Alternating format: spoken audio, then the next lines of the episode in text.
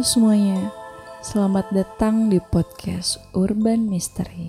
Tempat kalian berbagi cerita horor ketika mendaki gunung. Masih bersama Gobeng Umira di sini. menemani di malam Jumat kalian. Yeay. Enggak juga sih. Kita tayangnya malam Minggu. Oh iya, untuk untuk episode eh, ini doang. iya, spesial di episode 10 kita menemani kalian di malam minggu. Karena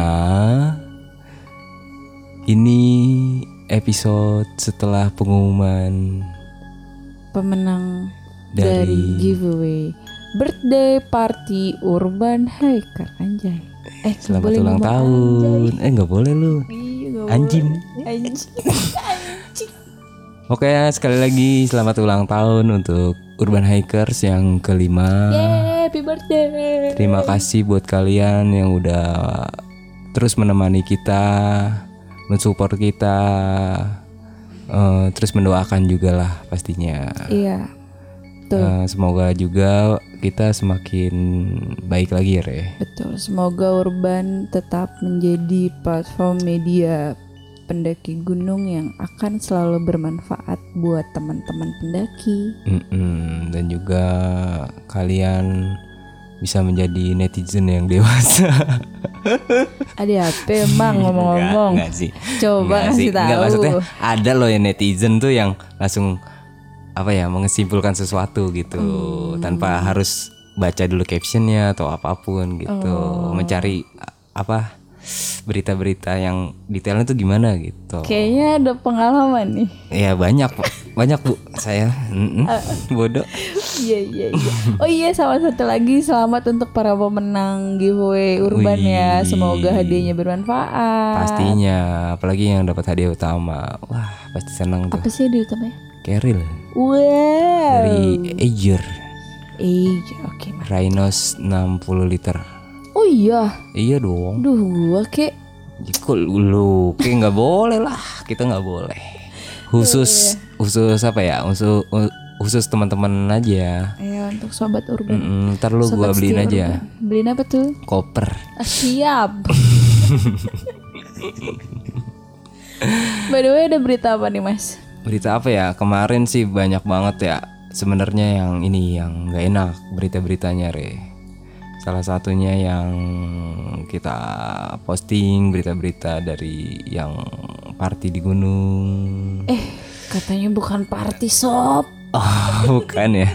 Kalinya party. Ya pokoknya gitulah. Suatu apa ya keramaian pastinya. Serentak itu di beberapa tempat Ketika Apa ya mer- Memeriahkan 17 Agustus ya. Tapi eh, Ada bagus dan pasti ada yang buruknya. Salah satunya itu Kemarin tuh beberapa tempat eh, Gunung ya. Gunung itu akhirnya ditutup kembali Re. Karena? Eh, karena katanya salah satu pemicu penyebaran corona. Oh iya. itu dari pihak Wonosobo tuh serentak tuh. Kayak Sumbing, Sindoro, eh, Bismo, Prau, Sikunir itu ber tutup Hmm, itu kan sampai ada surat perjanjian gitu kompak dia. Gitu. Terus ada juga yang lau sempat tutup terus buka dan akhirnya harus ada korban lagi. Yang disayangkan banget tuh. Innalillahi wa inna ilaihi rajiun. kalau nggak salah hipo gitu. Ini sekali lagi nih gua ingetin ya bukan buat lu doang buat juga. Selalu natapin itu seenggaknya lu tuh ngerti gitu apa ya penanganan pertama lah gitu. Soalnya kronologi gitu re. Kenapa? Eh, sebenarnya tuh si korban ini survivor ini ya almarhum eh, malam ini apa kenanya gitu gejala kan udah gejala. Terus temannya laporan jam 6 dikabarkan kalau si almarhum ini udah meninggal gitu. Kalau misalkan penanganan tepat insya Allah ya. Ya kita nggak tahu namanya umur. Tapi kan kita udah berusaha gitu ya. Iya, iya segala sesuatu tuh di alam tuh nggak bisa diremehin sama sekali gitu. Nggak jangan nggak langsung ter- terjun gitu aja gitu. Boleh lu pertama terjun. It's okay lu nggak ada trouble. Ya kan? Misalnya selama naik ke turun. Tapi lu abis itu coba dong apa ya eh, di ditanemin rasa ingin eh, pengetahuannya yang lebih gitu segala Oke, macam I gitu. Iya Buat jadi lo juga kan gitu. ya buat teman-teman semuanya paling enggak apa ya bawa diri banyak bekal untuk mendaki terutama pengetahuan tentang mountain sickness. Karena gimana pun juga itu adalah hal yang amat sangat berbahaya. Jadi kita harus tetap bisa aware paling enggak tahu gejalanya seperti apa tahu penanganan pertamanya Betul. seperti apa gitu jadi jangan malas untuk membaca Mm-mm. belajar bertanya karena kita di sini sama-sama belajar ya mas Betul. Nggak mau bukannya nggak mau menggurui lah pokoknya di sini pokoknya tuh.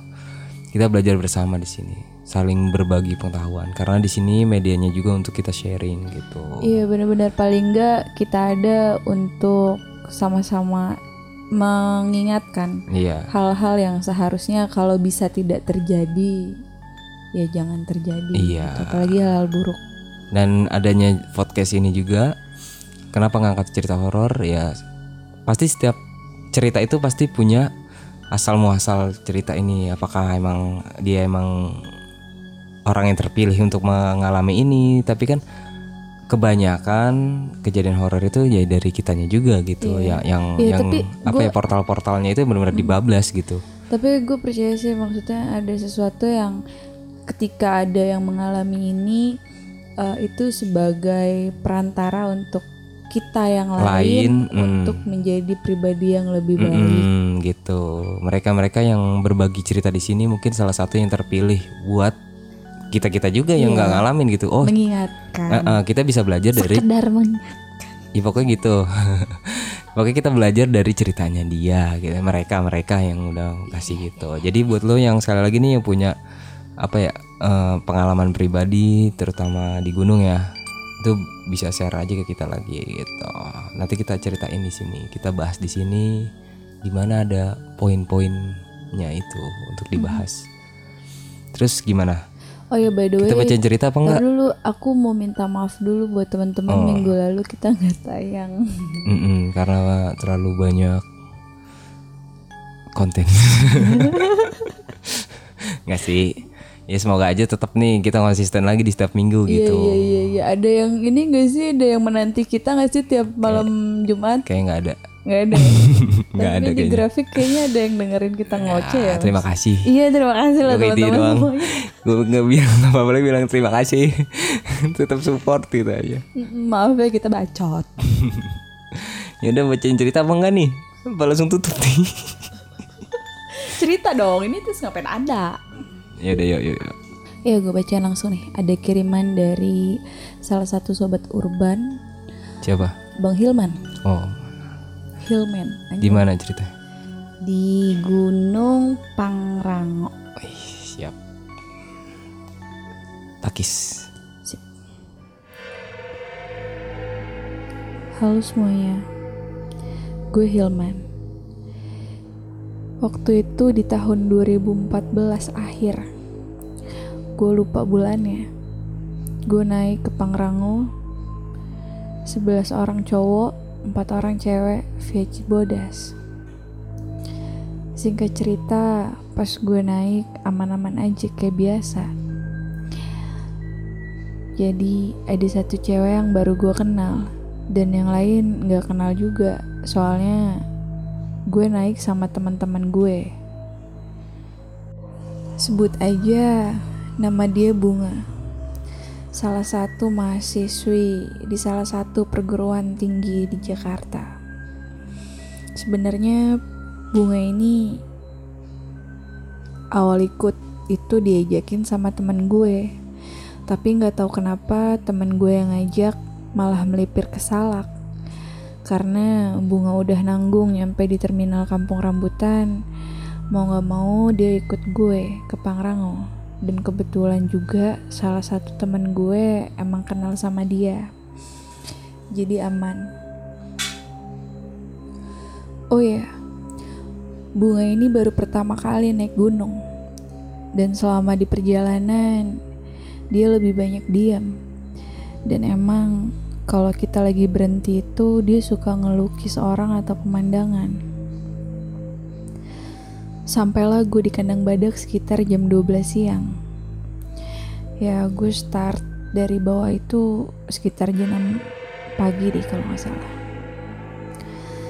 Masak-masak di kandang badak, makan segala macam sampai isi air untuk perbekalan juga udah. Ya awalnya sempat mau ngecamp di kandang badak, terus samit ke Pangrango. Tapi anak-anak mutusin untuk langsung tembusin aja ke Mandalawangi. Karena masih siang ditambah lagi situasi di kandang badak itu rame banget. Sekitar jam 3an gue lanjut berangkat ke Pangrango. Di trek waktu itu yang ke Pangrango agak sepi. Jadi gue cuma jalan bareng sama satu rombongan gue lupa dia rombongan mana tapi yang jelas salah satu dari mereka itu pakai baju PDL terus bawa HT. Di pertengahan trek, anak-anak jalannya udah mulai merenggang. Kita kebagi menjadi dua rombongan. Rombongan gue di depan dan teman gue di belakang. Jaraknya juga gak begitu jauh. Soalnya teman gue yang di belakang itu di kerilnya disangkutin lonceng, jadi masih kedengeran jelas kalau dia ada di belakang. Di pertengahan jalan menuju puncak Pangrango, rombongan pertama gue ngeres di tempat yang agak datar karena udah mau maghrib. Ditambah lagi pada kecapean karena dihajar trek Pangrango yang cukup ekstrim. Nah, pas lagi ngeres, tiba-tiba salah satu anggota cewek yang make baju seragam PDL itu tiba-tiba jatuh pas lagi duduk, padahal nggak ada apa-apa. Langsung orang-orang di situ mikirnya hipotermia. Soalnya dia tiba-tiba jatuh terus kayak hilang kesadaran gitu. Ditambah lagi dia menggigil. Karena posisi gue ada di dekat mereka, akhirnya gue ngeluarin sleeping bag tiga biji. Karena di salah satu keril yang dibawa rombongan pertama, Isinya alat semua.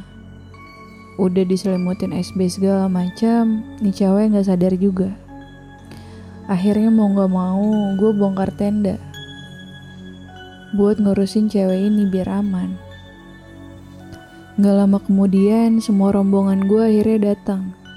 Kita langsung masak air dan bikinin air hangat gitu. Udah semua aman terus ceweknya juga udah mulai sadar. Anak-anak mutusin buat cari tempat camp dadakan. Karena emang posisinya tenda gue dipakai sama orang itu dan alat-alat gue sebagian juga dipakai sama mereka. Nggak enak kalau harus gue tarik lagi alatnya. Oh iya di sini gue bawa empat tenda. Akhirnya cari-cari tempat camp nggak dapet. Soalnya trek di Pangrango itu emang nggak ada yang datar. Ada muat satu tenda doang. Itu juga posisinya tanah miring tapi mau nggak mau kita buat dan diriin tenda di situ diri ini juga sejadi-jadinya aja soalnya emang tempatnya sempit banget Habis itu anak-anak nyuruh dua orang cewek ini buat masuk ke dalam tenda. Dan ditemenin dua orang cowok juga buat jagain. Karena emang mukanya udah pada kasihan banget. Kelihatan banget capeknya. Akhirnya ya gue mikirin lagi tinggal dua tenda lagi yang harus kita bangun. Karena emang udah urgent, suasananya juga udah gak beres. Malam itu kita mutusin untuk buat satu tenda lagi di jalur. Bener-bener di jalur yang sempit.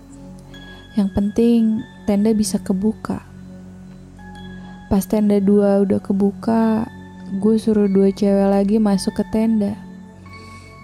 Tiba-tiba teman gue ada yang teriak. Yo, bunga hipo. Sontak langsung gue lihat kondisi keadaannya dia dan dia udah jatuh dalam keadaan yang setengah sadar. Kondisi bunga udah diam dan gak ngomong apa-apa. Langsung digendong sama temen gue ke tenda. Tapi anehnya, sekitar 5 meter sebelum sampai ke tenda, teman gue ini udah gak kuat dan akhirnya nurunin bunga di situ. Langsung diangkat lagi si bunga sama anak-anak. Ada mungkin sekitar lima orang. Tapi anehnya, Gak ada yang kuat sama sekali buat angkat bunga. Padahal udah diangkat loh sama lima orang. Mau gak mau, kita agak nyeret untuk masuk ke dalam tenda. Di dalam tenda, langsung badannya digosok sama anak-anak biar hangat. Kayak skin to skin gitu. Sambil diajak ngobrol, biar tetap sadar dan temen gue yang lainnya langsung minta air panas sama orang yang tadi. Di tengah kepanikan, kita lupa untuk selimutin bunga dengan sleeping bag. Ketika itu gue kebagian gosokin tangannya bunga. Dan pas gue gosokin tangannya dia, gue gak sengaja nyentuh cincinnya bunga.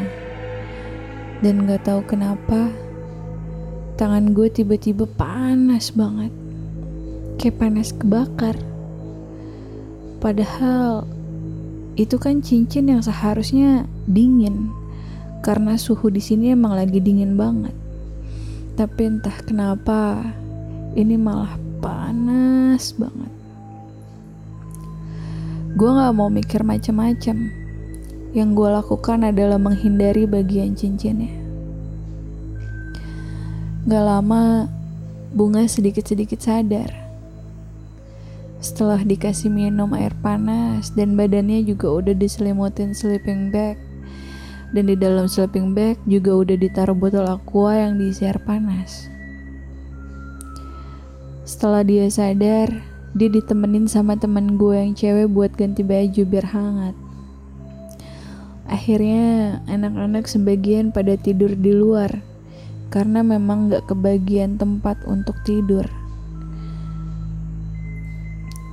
Besoknya semua lancar. Kita muncak dan turun.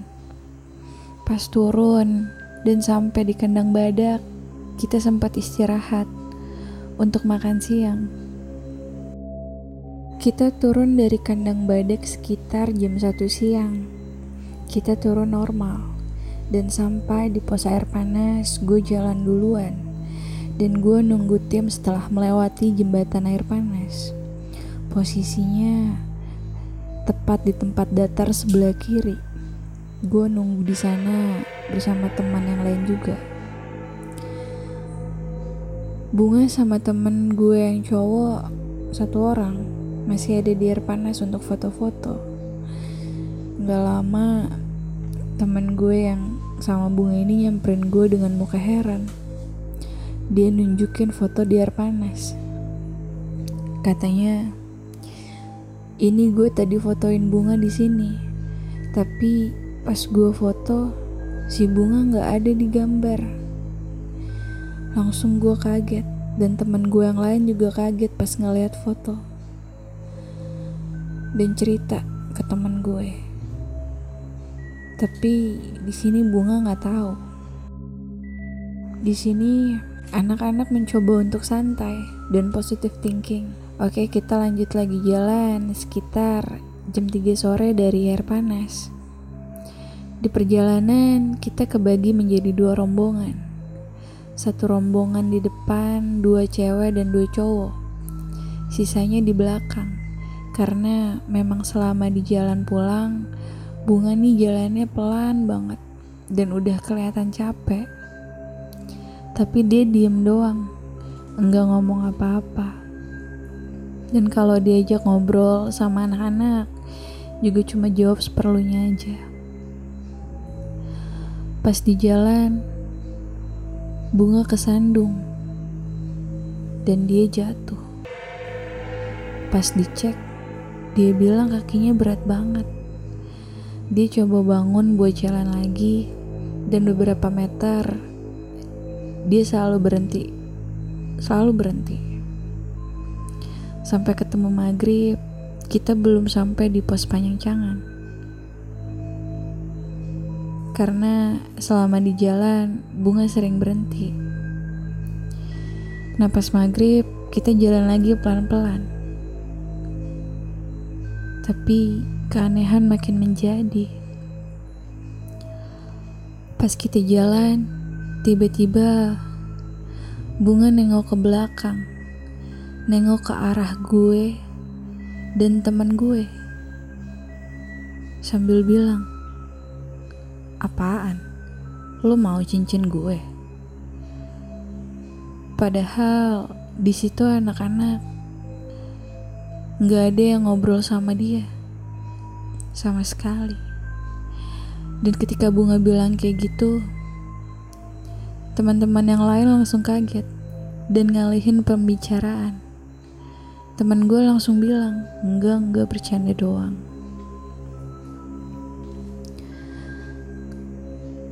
Gak lama abis itu, bunga udah gak bisa jalan sama sekali. Dan diputusin untuk digendong aja, senyampenya. Akhirnya gue double carriel dan temen gue bawain depeknya bunga.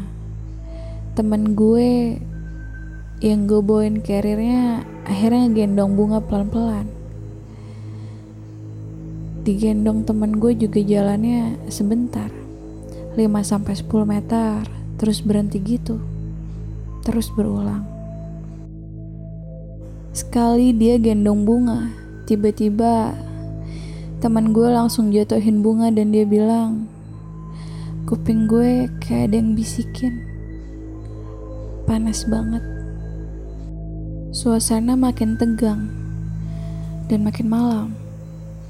Akhirnya kita sampai di pos panjang ini. Temen gue yang gendong bunga ini kelihatan capek banget. Akhirnya bunga mau jalan sendiri dan gak digendong. Tapi dia jalannya pun kakinya masih sakit. Dan kalau diperhatiin itu jalannya diseret bukan kayak orang kesleo akhirnya kita jalan pelan-pelan dan sesekali temen gue gendong si bunga lagi akhirnya kita sampai di pos perizinan sekitar jam 12 malam dan kita ketemu sama rombongan pertama yang jalan duluan. Setelah kita lapor di pos, akhirnya kita langsung turun ke base camp. Sekian dan terima kasih. Terima kasih. Terima kasih Bang Ilham. Hilman, astagfirullah. Salah gue Dibaca dia yang lupa. Ya Kan jadi Ilham. Hilman. Eh, iya. Dibalik balik. Terbalik, maaf ya Bang Hilman, maafin miring. Hilman. Itu anak gunung banget, Re. Oh iya. Ya, Den. Tenda. Oh iya, Hilman. Iya, Hilman. Hilman, double L. Iya, oke gitu. Terima kasih Bang Hilman sekali lagi. Ceritanya bagus. Iya. Karena banyak pelajaran. Pelajaran. Tapi gue nggak tahu sih. Ini eh, di balik cerita ini katanya, pertama sih kesalahan dia adalah berbohong dengan orang tua. Oh iya. Iya orang Siapa? tua. Si ini kan bunga kan dinamain disamarin sebenarnya bukan bunga. Bunga. Jangan nyanyi juga. Udah. Berikan hatimu. gue getok loh lo. Iya di, Haus. diceritain tuh eh, ini nih yang tadi gue omongin dari awal re kita tuh penting sebenarnya tentang pengetahuan eh, apa tentang hipo lah mountain mountain sickness kan banyak Oh iya bener. Ini tadi temennya Iya, ada yang hipo ya. temannya ada yang hipo. Bukan teman sih, dia bantuin orang. Oh jadi iya. beda Oh rombongan. iya iya iya beda. Ya gitu, yang pakai Sama itu beda. si bunga juga katanya hipo. Iya, bunga-bunga itu tuh jadi hipo. dia hipo apa enggak? Hmm, katanya sih bukannya hipo kalau dia tuh. Kalau dia tuh kayak ada gangguan dari benda yang dia pakai itu cincin. Cincin itu katanya berbatu, Cincin batu batu tapi akik. tapi kecil gitu, kayak model mata mutiara gitu gitu. Yang kayak Hmm. cincin perempuan sih, makanya si bunga mau make waktu itu katanya gitu I see, I see, nah jadi tuh awal cerita eh, awal mula cerita ini adalah si bunga itu katanya izin itu bilangnya acara kampus ke Pila kalau nggak salah puncak. ya gitulah pokoknya Pila di puncak acara kampus gitu kan nah tapi dia rencana awal itu sama temannya yang perginya ke Salak Oh jadi temennya tipu-tipu. Iya nggak ngerti deh pokoknya gue nggak tahu tuh kronologis detailnya pokoknya kayak gitu. Tiba-tiba temennya malah belok ke Hmm, salah. dia malah Nggak ada ada. otaknya Jadi lah, uh. jadi lepas kayak model lepas tanggung jawab jatuhnya kayak gitu. Nah Kenapa sih kok bisa begitu? eh, dan terus boleh gitu antum.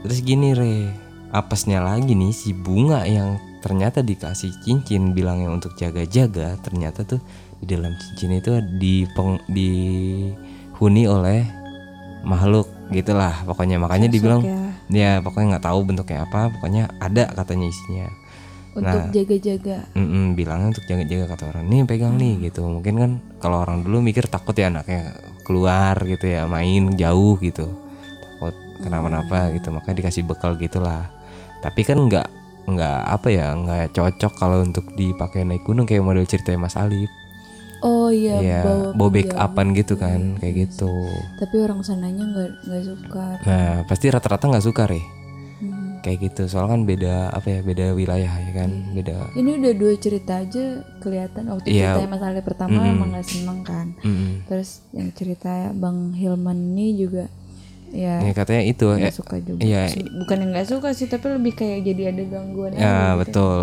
Jadi ada crash lah gitu. Yang awalnya biasa-biasa aja jadi kayak gitu. Nah, terus anehnya lagi si bunga ini katanya poster tubuhnya itu nggak gede re namanya perempuan. Maksudnya perempuan nggak gede banget gitu. Maksudnya nggak nggak nggak lu juga gitu maksudnya. Kenapa gue? Kok Gila lu. shaming jadi Nggak bener lu. Pokoknya gitu poster tubuhnya kecil gitu nggak terlalu gede. Nah tapi ini diangkat sama beberapa iya, temannya iya, itu iya, iya. katanya nggak nggak nggak benar terangkat kayak orang biasa gitu. Hmm, Seharusnya kalau orang pingsan eh Jadi tambah berat. agak berat ya. Iya nggak? Itu kan rame berlima ya. Oh iya. Iya berlimaan lah pokoknya katanya. Pokoknya dia bisa ngangkat itu tapi ini apa? Nyeret. Iya eh, si bokongnya si siapa sih bokongnya bunga ini masih agak nyentuh ke tanah Ya gitu. ampun, Jadi kayak beratnya. iya aneh deh pokoknya gitu. Jadi dia kayak ada bobot tambahan gitu Mm-mm, ya. Padahal terus- cuma bawa badan doang. Iya terus dimasukin ke tenda. Nah si Hilman ini nggak sengaja tuh menyentuh si cincinnya ini. Hmm, iya. Seharusnya kan benda yang metal itu ya berbahan aluminium atau apa di, di gunung tuh pasti dingin re kayak sendok, nesting atau apa pun ya kan. Baju dingin. aja dingin. Handphone aja dingin nih banget kan, dingin. Iya, hati gue juga dingin. Iya, lembeku. Oh siap. Nah itu di si Hilman nggak senjata, eh nggak sengaja, nggak sengaja nyentuh itu panas, Wow. panas katanya panas, nggak nggak normal lah panasnya gitu. Katanya panas, kaget lah si Hilman itu dilepas. Sedangkan dia megang tangan gitu kan, pengen ibaratnya mau hangatin kan sampai skin to Iya, skin tapi ya. emang emang setahu gue eh, jari-jari kaki tangan itu apa ya paling cepet dingin yang kayak Iya, kayak emang kayak penghantar nih. penghantar dingin. iya, iya. Kalau misalkan katanya nih ya, telapak tangan sama telapak kaki sama kuping itu kalau misalkan aman posisinya maksudnya posisinya itu hangat, otomatis itu semua hangat semua gitu loh. Iya iya iya setuju. Heeh, katanya penghantar dia gitu. Makanya lu utamain tuh pakai pakai kaos kakinya jangan basah, sarung tangan sama kuping agak ketutup gitu pakai pakai bandana ya. Aku apa namanya? Ya kayak gitu.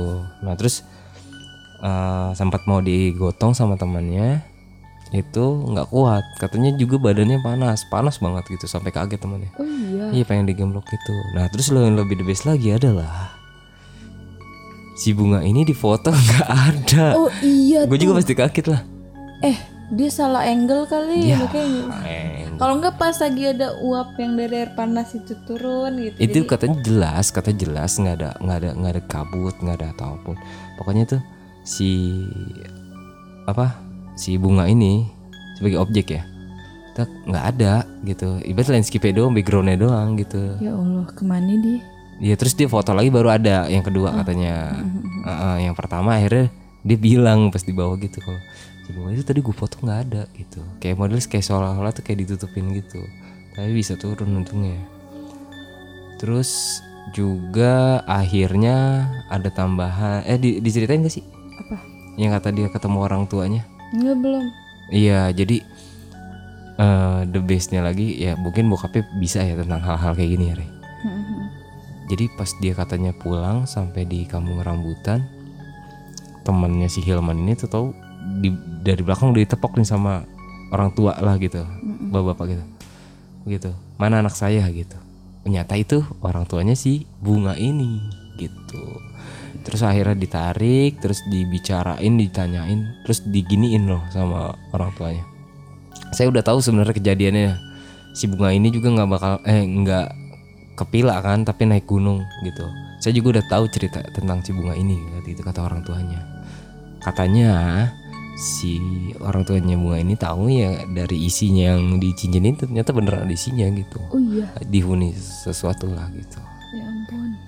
Ya jadi, gitu tuh buat lu tuh yang naik apa jangan bawa backupan lah gitu Iya, karena jujur, berserah jujur aja lu lu kalau lu baik insya Allah lu tuh dilindungin lah gitu kalau lu Iya. masih protokol gitu Jujur orang tua ngapa sih? iya lu balik lagi kepada Allah ya Betul, elah bener betul. banget gue ya Restu orang tua Nah, izin juga tuh wajib. Tuhan.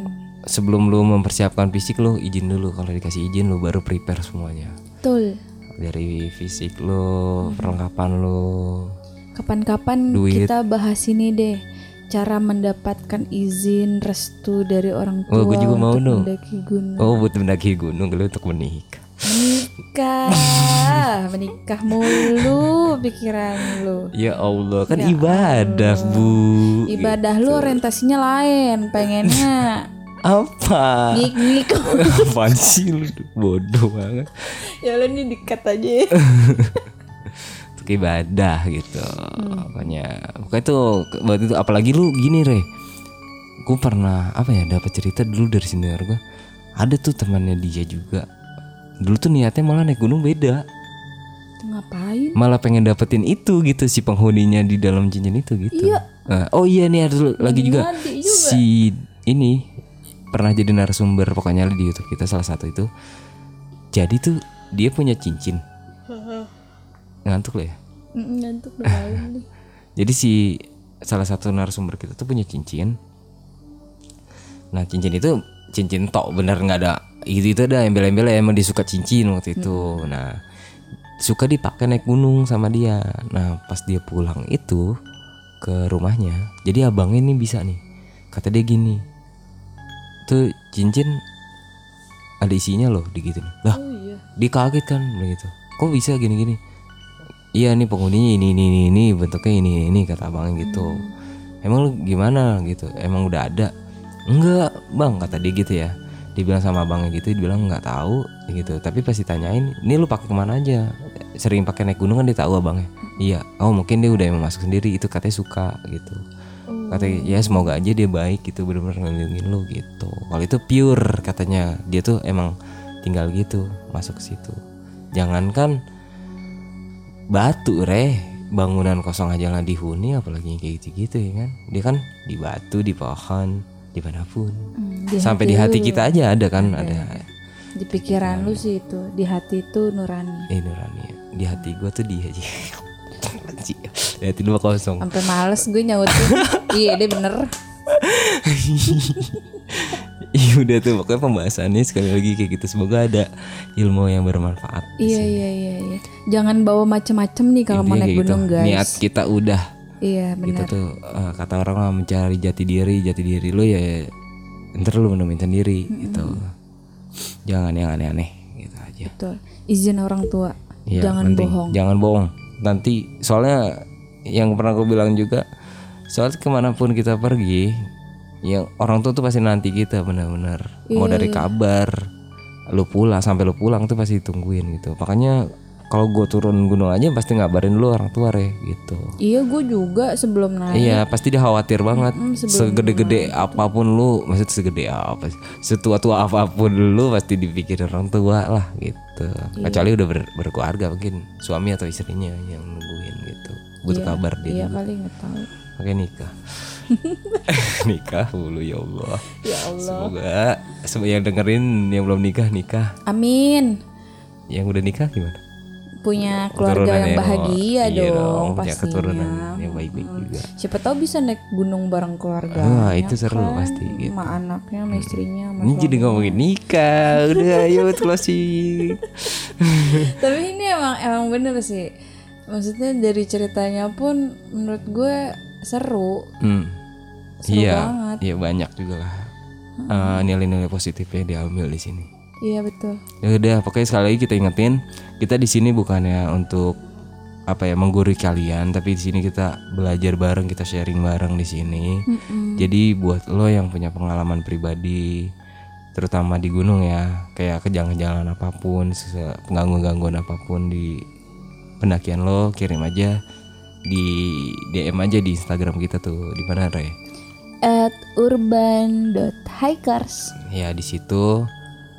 Terus juga tetap support segala macam bentuk program kita maupun dari podcast, terus YouTube. YouTube, website, Website. sama di Instagram lah, Yes. gitu. Semoga biar nih kan kita baru banget nih ngerayain ulang tahun, biar di Kername kita bisa berkembang lagi gitu. Mm, pastinya untuk teman-teman juga. Ibarat ibarat anak kecil ini baru pengen masuk sekolah lah. Iya, Iya persiapan kan TK kan baru ya. Iya, Kayak tapi gitu. pastinya tujuannya untuk menghibur, untuk mengedukasi, Mm, untuk sharing, mm-mm. Biar hal-hal positif lah. ya segala macam itu. Oke sekali lagi thank you semuanya yang udah support Urban Hikers sampai lima tahun ini gitu. Yeay. Selamat ulang tahun lagi untuk Urban Hackers yang Happy kelima. birthday to you. Teteret, teteret gitu dong. Aduh nggak tahu. Oke gitu aja paling di episode yang ke-10 kita. Tungguin di episode selanjutnya. Iya karena masih ada banyak cerita-cerita menarik yang akan menemani di malam Jumat kalian. Oke, segitu aja. Salam lestari. Salam Stari, terima kasih semuanya. Salam horor. Teteret, teteret, teteret, teteret, teteret, teteret.